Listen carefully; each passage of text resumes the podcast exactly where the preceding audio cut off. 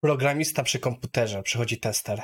Hej, otworzyłem ponownie tego baga. Tak, wiem, widziałem. Odchodzi tester, programista. Wdech, wy... A w dzisiejszym odcinku abstrakcje ich koszt, prywatności Facebook. Czas zacząć!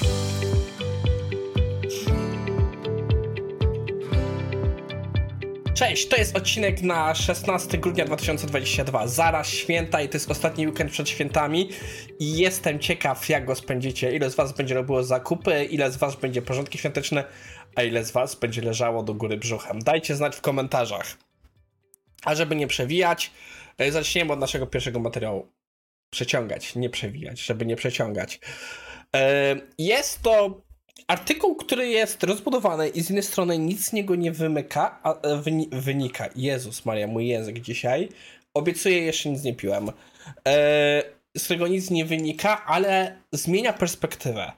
Autor mówi o kości abstrakcji. E, I to jest coś takiego, co czytając cały czas miałem, no przecież, ale nigdy jakoś nie określiłbym mianem, że to jest kosztem abstrakcji. Bardziej myślałem o tym jako koszt architektury i decyzji podjętych, ale w sumie w tym przypadku to się rzeczy zazębiają. O co chodzi?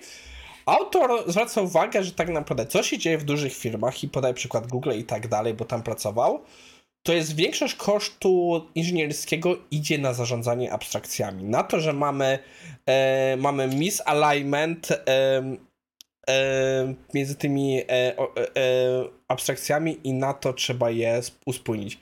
Dopiero co sprawdzałem, co, jak przetłumaczyć najlepiej misalignment na polski E, I było coś tam, ten rozosiowienie, e, ale to jest chyba będę jednak wersję angielską, bo, e, bo jakoś to brzmi lepiej dla mnie. I autor właśnie zwraca uwagę, podaje przykłady, że tak naprawdę z naszej perspektywy, jeśli chodzi o właśnie nasze abstrakcje, to się wchodzą trzy rzeczy. Za nasze założenia, nasze wartości, nasze wymagania. I podamy przykład prostego systemu CRUD dla jakiegoś startupu i tutaj mamy, że musi wykonywać nasze operacje, musi mieć dobre value to market, musi być stosunkowo prosty i tani w utrzymaniu, dopóki nie znajdziemy naszego rynku.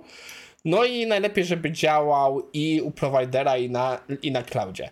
Ale jak już weźmiemy na przykład coś takiego jak trading system rozbudowany, no to już mamy o wiele innie, inne wymagania, że musi e, działać bezpiecznie, musi dostarczać, musi być na tyle opłacalny, żeby e, transakcje były opłacalne, musi być szybki e, i tak dalej, i tak dalej. I to powoduje, że na przykład jedno może działać w milisekundach, inny musi działać w nanosekundach i wymagać bardzo egzotycznego stacku, który może mieć bardzo drastyczne koszty dla startupu. E, autor następnie dyskutuje przykład różnych baz danych, jakie mają różne zalety i wady i pokazuje, że tak naprawdę w pewnym momencie te ceny abstrakcji może nas zacząć bardzo boleć, bo tak naprawdę system rozwiązany, który robi jedne rzeczy, może nie do końca robić co innego.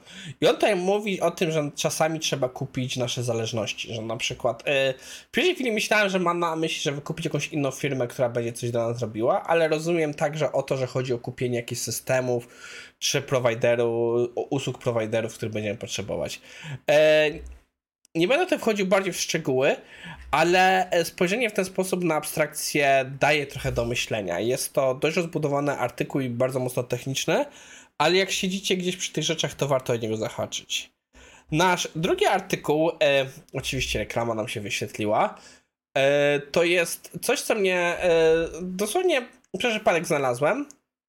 Nie tak dawno temu e, Facebook przegrał w Europie sprawę, jeśli chodzi o GDPR i to dość dużą sprawę, która tyczy się i Facebooka i Instagrama. W uproszczeniu Facebook, jak wiele innych serwisów, obecnie ma tak, że jak wchodzimy, musimy wyrazić zgodę na to, że, jest, że e, jesteśmy trakowani i mogą nam wyświetlać e, e, kustomizowane reklamy i tak dalej, i tak dalej, i tak dalej.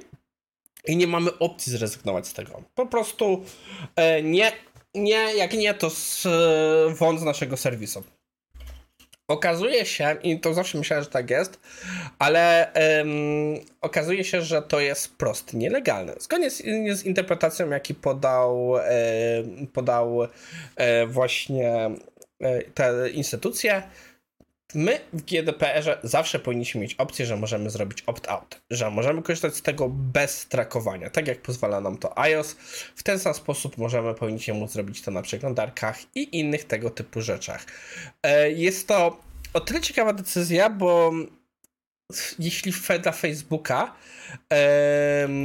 dla Facebooka e, już dużym kosztem było to, że e, musieliśmy, musieli zrezygnować, z, że ludzie na iOSie zablokowali te opcje, że po prostu do not track stał się domyślną opcją i trzeba poprosić o zgodę o trakowanie, to taka sama zmiana w wypadku, e, w wypadku chociażby wersji webowej, gdzie musielibyśmy być wprost pytania o to, że mogą nas trakować, może ich bardzo dużo kosztować.